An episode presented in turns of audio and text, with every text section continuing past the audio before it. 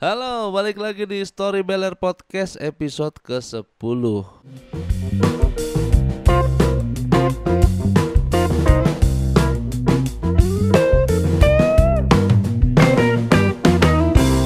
Nah, mumpung gue lagi semangat, akhirnya gue bikin podcast aja sekarang nih. Sekarang juga gue teknik, karena memang banyak cerita yang pengen gue sampein ke kalian semua yang ngedengerin gitu. Banyak banget, banyak banget. Satu di antaranya adalah tanggal 27 November kemarin, Stand Up Indo Bogor resmi mengadakan atau menggelar event yang bernama Stand Up Night 5 Bogor atau Sun 5 Bogor. Woo! mungkin lo semua yang ngedengerin apa sih stand up night 5 apa sih sun 5 Bogor tuh gue nggak ngerti jadi gue kasih tahu sedikit ya bahwa stand up night 5 atau stand up night itu adalah event tahunan dari komunitas stand up ibaratnya tuh kayak showcase-nya komunitas lah. Jadi isinya tuh stand up semua mulai dari komika yang junior sampai yang senior banget ada di situ. Intinya dia bikin sebuah showcase untuk komunitas dan dari komunitas. Itu dilaksanakan ya kadang-kadang tiap tahun ada yang setahun sekali ada yang dua tahun sekali. Kayak stand up Indo Bogor nih terakhir bikin Sun itu bikin stand up night itu tahun 2014 Sun 4 Bogor. Sekarang Sun 5 2021 uh set lama banget tuh gua saking pengen ceritanya bingung nih mau bahas dari sisi mana dulu. Mungkin dari sisi ini dulu ya visi dan latar belakang. Kenapa sih dibikin stand up night 5 Bogor gitu? Uh, pertama kali stand up night 5 itu penggagasnya adalah sebenarnya gua. Gua yang membawa spirit stand up night 5 Bogor ini. Karena gua gabung di stand up Indo Bogor tahun 2013 sampai 2021 belum pernah gua ngerasain panggung stand up night. Kayak apa ya udah 8 tahun berkomunitas belum pernah naik sun tuh kayak kurang resmi jadi komika gitu. Akhirnya gue usul tuh ke teman-teman stand up Indo Bogor yang lain karena kan terakhir tanggal eh terakhir kan tahun 2014 Sun 4 Bogor. Saat itu gua masuk 2013, Sun 4 2014. Gua masih komika baru, masih pelangak pelongo, lucu juga kagak. Ya gimana mau naik Sun gitu. Sementara Sun standarnya tinggi banget panggungnya kan. Nah, spirit itu yang gua bawa. Masa gua 8 tahun berkomunitas di Stand Up Indo Bogor belum pernah naik Sun? akhirnya gue ngomong nih ke para admin ke para senior eh, ke abang-abangan semua gue bilang bahwa kita nggak bisa nih terus-terusan begini kita harus bikin sun kita harus bikin stand up night 5 Bogor karena yang pertama tujuannya nih gue pengen naik sun. Itu gue utarakan tuh ke yang lain. Gue pengen naik sun. Terus yang kedua adalah kita udah lama nggak bikin event. Dua tahun belakangan ini kan gara-gara covid open mic nggak ada. Special show jarang. Event apa pun nggak ada. Jadi penonton juga nonton stand up paling dari YouTube doang. Yang di mana kita tahu stand up di YouTube kan yang clean clean doang yang bersih bersih doang gitu. Akhirnya gua kasih tahu begitu lumayan ke trigger lah teman-teman yang lain junior junior juga para senior senior banget juga lumayan ke trigger gitu kayak Ridwan Remin Zawin cukup cukup tertarik gitu mendengar gagasan ini. Akhirnya gue diskusiin bahwa ini niat kita adalah bikin event aja gitu, kecil-kecilan, gak usah terlalu gede karena kan COVID juga masih ada ya mungkin ya. Jadi protokol kesehatan masih harus diterapkan. Jadi kita nggak usah bikin yang terlalu besar. Penontonnya dikit aja, nggak usah terlalu 300, nggak usah 100 aja 100. E, gedungnya juga yang kecil aja. Kita bikin sesederhana mungkin gitu. Akhirnya mereka setuju lah gitu ditambah gue ngerasa penontonnya lagi aus-ausnya hiburan nih karena kan udah lama kita nggak bikin event yang gue bilang tadi kan nah udahlah konsep itu gue bawa gue ceritain ke teman-teman semua ke para senior ke bang Jui ke Fajar Nugra ke Ridwan Remin ke Zawin ke Dede Kendor ke para tim admin para pengurus komunitas teman-teman junior yang lain. Gue bilang bahwa kita mau bikin Sun 5 tergetarlah hati mereka anjing. Iya ya yuk yuk bikin bikin bikin bikin gitu gitu. Ada yang panik ada yang santai gitu. Tapi ya udahlah namanya proses kan. Nah yang sulit dari uh, ngumpulin spirit ini adalah mencari orang-orang yang uh, senior untuk dikunci tanggalnya. Karena kan mereka sibuk dengan jadwalnya masing-masing. Zawin sibuk berkelana ke Turki. Zawin eh Remin sibuk tag podcast sama job-job virtualnya. Eh, Nugra sibuk main film. Bang Jui sibuk bikin musik. Gua doang yang sibuk eh, komunikasiin mereka. Ya kan ngehubungin mereka gitu terus akhirnya gue bujuk satu persatu oke tanggal kunci ya tanggal 27 ya kunci tanggal 27 oke siap siap siap gitu. Sekelas Zawin pun berani komit bahwa 27 gua kosongin demi Sun. Oh berarti ini dia menganggap bahwa stand up night ini penting bagi dia gitu. Oke berangkatlah tuh. Gagasan ini dibawa dan dieksekusi oleh uh, para uh, senior senior yang lain. Ada Hada ada Bang Tasmo juga yang mengurus event ini gitu hari demi hari terlewati minggu demi minggu sudah terlewati. Jadi kan kalau misalkan panggung Sun itu semua yang tampil udah otomatis stand up. Ya ada lah gimmick-gimmick dikit tapi eh, dominannya adalah stand up semua. Nah, selain ngumpulin para senior, juga stand up Indo Bogor mengadakan seleksi untuk teman-teman junior yang baru gabung satu tahun dua tahun belakangan ini. Dengan cara seleksi tiap minggunya kita ngadain tiga kali pertemuan. Pertemuan pertama mereka harus tampil bawain materi baru. Kita lihat nih eh, punchline-nya seberapa dahsyat ketawanya seberapa banyak. Minggu kedua dia bawain materi eh, lama. Terus minggu ketiga adalah perpaduan dari materi lama dan materi baru. Akhirnya mereka yang lolos dan lucu setiap minggunya ditarik jadi opener Sun 5 Bogor. Oke, tanggal 27 mulai nih set GR udah kita lewati. Bahkan gua Remin The Bang Jui sama Nugra sempat bikin open mic special di Ketawa tanggal 18 November kemarin tuh. Demi ngetes materi buat tanggal 27. GR udah terlewati, proses demi proses sudah dilewati. Tibalah hari H gitu. Hari H tanggal 27 dan yang bikin lucu tuh sebenarnya Hamin satunya tahu Hamin satunya ti eh, Hamin satunya nih para performer pada ketar ketir. Ada yang sibuk ngabarin materi ada yang sibuk maskeran memperbaiki penampilan. Ada yang kerimbat ada yang luluran. Pokoknya demi menampilkan yang terbaik untuk tanggal 27 nanti lah gitu. Set tibalah tanggal 27 nih. 27 teng tong set. Anjing. Deg-degan gua situ. Penonton belum datang kan. Oh iya gua kasih tahu dulu. Ini yang bikin gua excited selain gua tampil pertama kali Sun 5 Bogor ini adalah yang kedua yang bikin gue excited adalah bisa-bisanya penonton menghabiskan tiket dalam waktu kurang dari satu hari loh. Ini acara tuh jadi dibuka posternya di Instastory, jebret kurang dari satu hari tiket udah sold out. Yang di mana harga tiketnya bukan 50 ribu bukan 100 ribu melainkan di atas 200 bahkan sampai 500 ribu. Gila sold out. Habis dalam waktu kurang dari satu hari. Ini kan bener-bener balad-balad zawin kelihatan gitu.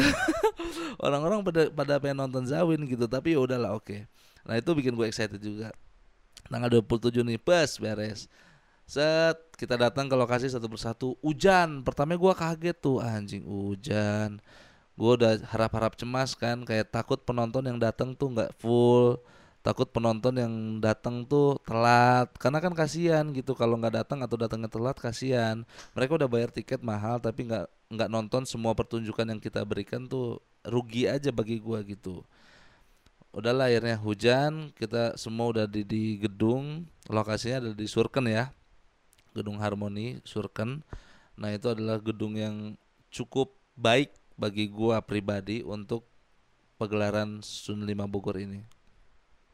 Kita semua di gedung satu persatu udah mulai tegang, hujan udah mulai berhenti, penonton udah mulai datang. Wah, seneng tuh gua tuh. Set Aduh dia. Memang dari setiap penampilan atau pertunjukan sebuah stand up komedi itu yang ditunggu-tunggu adalah momen di backstage-nya, momen di belakang panggungnya di mana kita semua berdoa bareng-bareng, kita semua memimpin uh, bendera satu tim kita semua harus bisa menampilkan yang terbaik untuk penonton yang datang jauh-jauh dari Padang, dari Bekasi, dari Cikarang, dari luar Bogor. Kita harus memberikan yang terbaik untuk mereka. Spirit itu tuh yang ditunggu-tunggu dari setiap show tuh di belakang panggungnya.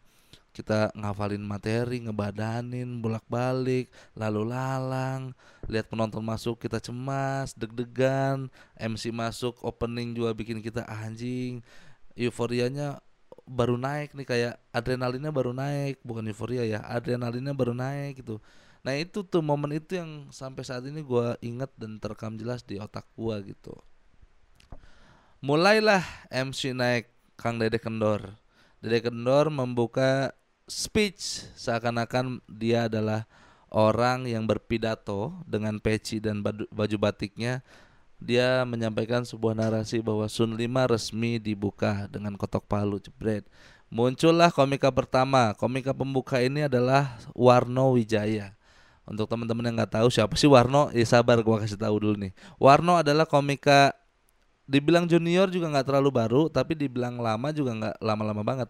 Tengah-tengah lah tengah-tengah dia tuh. Mateng tapi tidak matang banget tapi tidak mentah banget gitu. Maksud gue di tengah-tengah lah. Medium medium gitu. Ah Warno nih membuka sebuah acara Sun 5 Bogor dengan dengan apa ya dengan spektakuler menurut gue ya.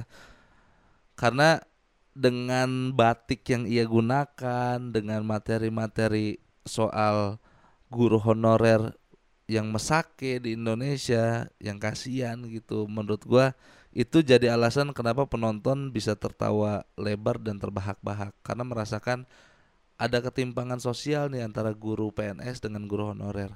Warno membuka acara dengan sangat baik menurut gua. Terus beres Warno. Tampil 10 menit, naiklah Nurmen. Nurmen ini bisa dikatakan komika baru karena kurang lebih eksistensinya di stand up Indo Bogor enggak kayaknya belum dua tahun deh belum dua tahun tapi di antara teman-teman yang lain seangkatannya beliaulah yang paling mencolok secara penampilan dan juga materi Nurmen tampil urutan kedua setelah Warno selama lima menit memberikan materi-materi soal efek pandemi bagi masyarakat kecil terus dia menyuarakan aspirasi masyarakat kecil terhadap orang-orang yang dulu ia pilih ketika kampanye itu membuat penonton menimbulkan gelak tawa lebih keras lagi karena merasakan superior lah dibanding Nurman gitu. Penampilan kedua menurut gue tepat kenapa Nurman berada di urutan itu gitu. Beres 5 menit Nurman tampil, turun, naiklah Fajar Warmit. Fajar Warmit mungkin lu agak agak sering dengar namanya ya. Dia adalah stand up komedian Metro TV tahun 2012. Fajar Warmi tuh lebih senior dari gua. Eh uh, dia stand up Metro TV dan juga Liga Komunitas Stand Up Kompas TV waktu itu mewakili komunitas stand up Indo Bogor berempat sama Bakri, sama Koide, sama Fajar Nugra dan juga Fajar Warmit. Warmit membuka sebuah penampilan yang sangat elegan menurut gua. Dengan gaya verbal dan sedikit properti yang ia gunakan membuat penonton tuh kayak anjing nggak ketebak nih gue pancana ke situ gitu. Ada sedikit apa ya elemen lain lah daripada sebuah jokes biasa gitu. Warmit lumayan padat LPM-nya ketahui penonton tuh lumayan padat dan berhasil meruntuhkan tembok-tembok penonton-penonton yang masih jaim dan masih kaku untuk melihat uh, acara stand up tersebut. Turunlah Fajar Warmit naik Kang Dede lagi untuk memberikan speech sedikit mengenai aturan dan acara hari ini. Terus kalau ada yang mau ke toilet dipersilahkan. Muncullah Gilang. Waktu itu Gilang. Gilang Indra Cakti tampil di urutan keempat setelah Kang Dede panggil. Setelah Kang Dede sambut. Gilang Indra Cakti ini adalah komika lama sebenarnya. Dia dia nggak lama sama gua masuknya. Jedanya cuma paling berapa bulan gitu ya. Atau berapa tahun gitu gue lupa. Pokoknya waktu gue masuk stand up Bogor dia masih SMP kelas 2 atau kelas 3 gitu gue lupa. Sekarang udah kuliah. Jadi bisa dibilang Gilang tuh paling lama lah di antara teman-teman yang lain. Gilang tampil selama lima menit membawakan materi keresahan soal anak yatim dan apa ya anak yatim yang tetap struggle, tetap survive di sekarang di dunia sekarang gitu walaupun mamahnya nggak nikah lagi itu membuat penonton tidak merasa iba melainkan merasa terhibur karena dikemasnya dengan cara yang sangat-sangat menarik menurut gua. Turun Gilang 5 menit, naiklah Wanda Dani Putra. Wanda Dani Putra ini adalah keponakan dari Dede Kendor. Wanda Dani Putra ini salah satu komika yang lama juga di komunitas. Dia setara dengan Fajar Warmit lah kelamaannya. Gua kurang kurang tahu ya. Setahu gua lama juga dia, lebih lebih lama dia daripada gua. Wanda Dani Putra dengan rambut yang keribo, gaya pakaian yang merah mentereng, celana pendek, kaos kaki panjang dan sepatu putih menggambarkan bahwa dia sebenarnya seorang anak reggae. Tapi eh, itu hanya kemasan saja. Konten materinya mengenai soal ketimpangan popularitas antara Wanda dengan senior yang lain seperti Ridwan Remin, Fajar Nugra dan lain-lain. Itu berhasil bikin penonton merasakan anjing iya ya gue kalau jadi lu iri dan dengki juga sih gitu akhirnya ditutuplah oleh Wanda tuh di sesi tersebut Wanda naik 7 menit turun Naiklah Kang Dede untuk mempersilahkan para penonton semua yang ingin ke toilet, yang ingin minum, yang ingin main handphone, yang ingin uh, sholat mungkin dipersilahkan tuh sama Kang Dede sebelum menyambut lima penampil terakhir. Diimbangi dan diiringi dengan candaan-candaan yang jenaka dari seorang host kita Dede Kendor membuat uh, part tersebut tidak terasa lama gitu akhirnya orang-orang yang kamar mandi cepat balik lagi ke kursinya orang-orang yang keluar cepat lagi balik masuk ke ruangan gitu tibalah lima penampil terakhir Dede Kendor memberikan speech sedikit mengenai kelima performer tersebut Lalu dipanggil satu persatu ini dia Jui Purwoto. Jui Purwoto adalah komika favorit gua dari dulu hingga sekarang. Dia membuka lima penampil terakhir dengan ah nggak bisa gua narasiin sih soalnya karena keren banget menggelegar mewah dan meriah itu openingnya Jui Purwoto selain apa ya selain materi verbalnya yang oke okay, menurut gua kemasan entertainnya cukup lengkap dibanding yang lain seorang Jui Purwoto ini.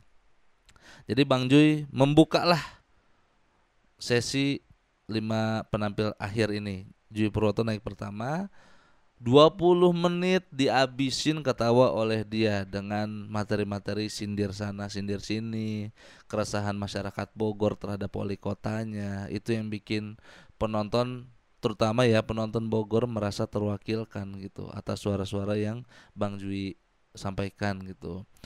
Elemen-elemen tambahan seperti slide gambar, lagu, segala macam membuat satu kemasan penampilan yang sangat mahal menurut gua. Itu tuh lengkap banget, lengkap banget dan ia layak untuk tampil sebagai pembuka dari lima penampil akhir tersebut. Bang Jui keren Beres Dwi Purwoto turun selama 20 menit ia tampil, muncullah seorang anak yang pelangak pelongo tidak tahu ini apa ya. Muncullah satu orang ini yaitu saya sendiri. Dani Beler urutan kedua. Dengan spirit yang dibawa yang penting naik Sun 5 Bogor dan materi baru dengan nating tulus dan pembawaan storytelling andalan sersan serius tapi santai ya gue ngerasa di atas panggung gue lebih luas aja sih. Kalau soal LPM dan lucu atau enggak kan orang lain yang berhak nilai. Tapi gue sih ngerasanya ketika di atas panggung memang gue agak lebih luas dibanding sebelumnya. Gue lebih ngerasa menguasai panggung secara secara aura ya. Maksudnya secara secara show tuh gue menikmati banget gue sempat minum dulu ketika penonton tepuk tangan. Gue sempat memberikan emosi yang yang stabil di beat-beat yang kontekstual sifatnya. Terus gue berhasil naikin nada naik turun sedinamis mungkin. Setidaknya itulah yang gue rasakan. Beres gue tampil 20 menit bumper muncul set diiringi oleh band Sontoloyo. Eh band Sontoloyo juga ngiringin dari komika pertama ya buat yang nggak tahu ya. Band Sontoloyo tuh ngiringin masuknya komika dari pertama banget. Nah, urutan ketiga masuklah Ridwan Remin. Bumper Remin masuk, musik pengiring masuk, Ridwannya juga masuk. Ridwan Remin cukup berkesan bagi gua penampilannya se bukan semalam, tanggal 27 kemarin cukup berkesan bagi gua pribadi. Dengan gaya dia yang skillful, yang teknik full, yang disandang, yang disematkan sebagai penulisan paling rapih di antara yang lain. Menurut gua Remin membuktikan malam hari itu gitu. Dia membayar itu semua dengan dengan bukti gitu materinya yang callback sampai berkali-kali planting sana sini sehingga penonton ngerasa anjing nih gua kalau lolos satu bisa skip nih gue cerita Remin selanjutnya. Jujur aja di antara semua penampilan yang Remin eh di antara semua penampilan yang gua tonton malam itu adalah malam terbaik penampilan Remin menurut gue pribadi Tampillah Remin 20 menit. Dardedor, dardedor, dardedor semua padat, semua tepuk tangan, applause, standing applause, Remin sujud, eh, Remin closing, penonton standing applause, meriah sekali. Remin turun, muncul bumper, diiringi musik Sontoloyo, masuklah Fajar Nugra. Dengan ciri khas act out dan gemulainya, Fajar Nugra mengawali sebuah opening dengan bernyanyi, bernyanyi Glenn Fredly yang akhirnya menimbulkan gelak tawa bagi penonton karena tidak ada keselarasan nada antara band dan juga Fajar Nugra. Itu aja udah lucu. Ditambah cerita dia mengenai hal yang baru pertama kali ia lakukan dengan verbal yang diimbangi dengan gerak act out membuat Fajar Nugra menjadi penampil yang deliverynya paling oke. Okay karena dia sangat-sangat paham bagaimana cara mendeliverikan sebuah materi storytelling. Di malam itu Fajar Nugra berhasil menyampaikan materi A sampai Z dengan pembawaan yang luar biasa dan di atas rata-rata komika yang lain secara delivery. Menurut gua. Turunlah Fajar Nugra, sisa penampil terakhir siapa lagi kalau bukan the one and only Zawin Nur Ikram Muncullah Zawin dengan pakaiannya baju koko, eh bukan baju koko, dengan pakaiannya gamis, sepatu Converse, peci dan juga blazer. Diawali dengan sebuah dakwah tapi bertanggung jawab. Dia memecahkan tawa lebih lebih lebih berlipat ganda dari penampil-penampil sebelumnya karena memang seperti yang kita tahu banyak orang-orang yang pengen ngelihat dia udah lama nggak stand up. Jadi uh, mungkin bagi penonton yang datang pernah nggak dengar materi Remin pernah nggak dengar materi gua tapi kayak Zawin tuh baru banget didengar materinya saat itu. Kebetulan kan kemampuan dia membuat materi itu sangat-sangat taktis ya sangat-sangat cepat dan terukur gitu. Zawin tampil dengan dua kostum yang berbeda satu gamis peci blazer kedua dengan pakaian style anak-anak gunung dan traveler yaitu celana jeans dan kaos marquee chaps yang ia gunakan. Terjadi dua perbedaan materi ketika agama dan juga eh, pakaian yang biasa gitu. Atribut agama dan juga pakaian biasa. Ini menandakan bahwa Zawin paham eh, bagaimana tertawa bersama agama dan menertawakan agama tuh dua hal yang berbeda. Dan Zawin menutup acara tersebut dengan ciamik dan sangat cantik menurut gua tepat di 20 menitan lah. Nggak over nggak under juga. Acara beres semua, Kang Dede mengucapkan terima kasih sebagai host kepada penonton, kepada para hadirin, kepada pada undangan uh, gedung yang udah menyediakan tempat. Dipanggil satu persatu penampil naik ke atas panggung dan diiringi anthem stand up Indo Bogor. Dan itu adalah penutup termerinding selama gua tampil stand up di mana kita semua jajar baris saling rangkul dan kita nunduk. Terima kasih terima kasih terima kasih. Tiga kali kita nunduk. Itu bukti bahwa kita sangat-sangat mengapresiasi orang-orang yang sudah hadir pada malam hari itu. Bereslah acara tersebut dan euforianya sampai saat ini masih gua bawa. Ah gila. Banyak teman-teman yang nanya ada digital downloadnya enggak gua jamin nggak akan ada karena materi-materi yang kami sampaikan malam kemarin itu sangat tidak layak untuk dikonsumsi oleh publik lebih banyak lagi. Cukup 100 orang yang menyaksikan dengan effort membeli tiket 270 dan 500 ribu yang bisa nonton. Selebihnya jangan berharap ada digital download. Makanya ini yang selalu gue bilang ke orang-orang semua. Nonton di YouTube, nonton di media itu tidak bisa mengalahkan atmosfer ketika nonton langsung di lokasi. Jadi mau lu bayar sejuta untuk kami rilis videonya pun nggak akan bisa mengganti kemeriahan orang-orang yang datang pada malam hari itu gitu. Kalau lu cuma sekedar pengen tahu materinya mah ya tinggal gua kirim aja skripnya ke lu. Tapi kan buat apa juga yang pertama. Terus yang kedua belum tentu paham juga tetap titik lucunya di mana gitu. Banyak orang-orang yang ada emang download dong, eh rilis dong digital downloadnya Enggak, gue bilang enggak. Ini kesepakatan kita bersama bahwa kita nggak akan ada digital download sampai kapan pun. Jadi kalau lu mau nyaksiin gimana penampilan kami di malam hari itu, ya tunggu di event selanjutnya gitu. Ini adalah secara tidak langsung juga menyeleksi penonton stand up Indo Bogor yang pengen benar-benar nonton karya kami gitu. Kalau lu cuma pengen nonton gratisan, cuma di open mic doang, ya udah sampai kapan pun lu nggak akan bisa nonton di acara special show yang dikemas seprofesional mungkin gitu. Kalau mental lu masih mental nonton open mic, ya jangan berharap bisa beli tiket semahal itu. Atau sebaliknya gitu, orang-orang yang beli tiket semahal itu belum tentu juga bisa nonton open mic. Nggak, nggak, nggak akan bisa ngelihat prosesnya gimana kita membuat materi. Jadi semuanya ada resikonya gitu. Gitu. Jadi buat teman-teman semua yang minta-minta rilis digital downloadnya nggak akan ada gue bilang. Itu. Euforianya sampai sekarang loh banyak yang memuja-muji banyak yang termotivasi dari penonton. Gue dapat DM bahwa gue pengen naik nih. Gue ngeliat opener openernya pada keren semangat lagi gue untuk open mic. Karena dulu gue pernah open mic bang tapi udah jarang sekarang karena kerja. Nah itu kan serba sedikit memberikan impact.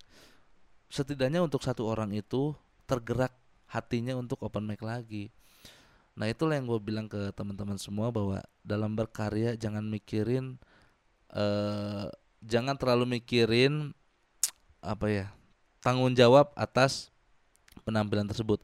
Memang harus dipikirin, maksud gue jangan terlalu dibikin beban karena ketika lo berkarya dengan hati, dengan tulus gitu, dengan pertanggungjawaban yang oke, okay, maksudnya tidak menggoblok-goblokkan orang, tidak tidak uh, mengkafir-kafirkan orang tanpa basis data yang jelas ya fine-fine aja. Karena serba sedikit pasti keresahan yang muncul dari hati lo ketika diutarakan akan memberikan impact untuk orang lain serba sedikit gitu. Itu aja kali ya yang bisa gue sampaikan ya. Nih gue terlalu euforia. Gara-gara itu juga gue kasih tahu ya bang Jui itu kepikiran untuk bikin special show katanya. Nah gue sih syukur alhamdulillah karena udah saatnya seorang Jui Puroto membuat materi satu jam yang dikemas dalam bentuk special show pribadinya gitu. Selama ini dia cuma main di 20, main 30, tapi tidak pernah main satu jam. Ini udah saatnya untuk Joy Puroto punya karya spesial satu jam. Mudah-mudahan bisa terwujud dan mudah-mudahan bisa terrealisasi. Itu aja mungkin yang bisa gua kasih kebahagiaannya ya karena udah 28 menit juga nggak kerasa nih gue juga nggak yakin ada yang nonton sampai full apa enggak eh ada yang denger sampai full apa enggak nggak apa-apa lah. Seperti yang gue bilang tadi dalam berkarya tidak usah terlalu memikirkan ada yang nonton apa enggak ada yang denger apa enggak yang penting lempar dulu. Nanti juga ke filter sendiri gitu. Itu aja dari gua. Terima kasih udah ngedengerin. Sampai jumpa di Story Beller episode selanjutnya. Bye